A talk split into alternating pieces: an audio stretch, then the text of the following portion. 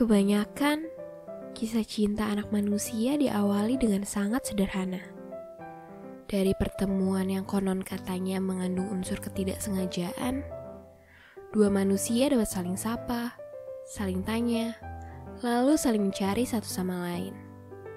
Benih asmara pun tumbuh. Jika benih tersebut tumbuh di hati keduanya, itu pertanda baik. Namun, jika hanya tumbuh di hati salah seorang saja, ini yang akan menjadi masalah. Ujung-ujungnya dapat kita prediksi. Status galau bertebaran seiring dengan kode keras yang muncul secara sporadis hanya agar dia mulai peka. Padahal, mungkin saja dia peka, tapi tidak mau berurusan lebih jauh denganmu. Manusia adalah makhluk berpikir itu yang membedakan kita dengan ciptaannya yang lain. Namun, manusia pun makhluk yang mempunyai emosi. Sayangnya, saat emosi sudah menghampiri, kita sering kali kehilangan daya untuk berpikir jernih. Kita lebih senang memberi kode, padahal dialog lebih memberikan titik terang.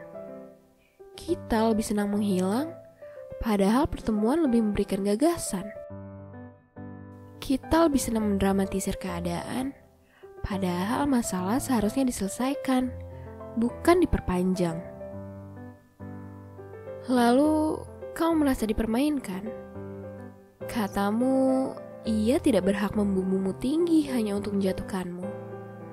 Berawal dari mencari, berujung dengan mencaci. Perlukah? Sadarkah dirimu bahwa cinta itu jorok? Muncul di mana saja, bahkan di tempat tak terduga. Cinta itu tidak kenal etika, hilang tanpa permisi, bahkan di waktu tak terduga. Perasaan yang terbang tidak selalu berujung mendarat dengan selamat. Cinta yang sembunyi-sembunyi tidak selalu berujung ditemukan. Tangan yang saling menggenggam tidak selalu berujung dipastikan. Kadang, kita harus mengalah pada kenyataan bahwa apa yang kita berikan tidak mesti sama dengan apa yang kita terima. Jadi, jika memang harus kandas sebelum bersemi, ya sudah. Kenapa harus terlalu dipermasalahkan? Berkomitmen itu sama saja dengan bekerja sama. Kalau dia merasa tidak bisa bekerja sama denganmu setelah mengenalmu cukup dekat, apa harus dipaksa? Santai. Tuhan sedang mempersiapkan kisah yang lebih baik untukmu.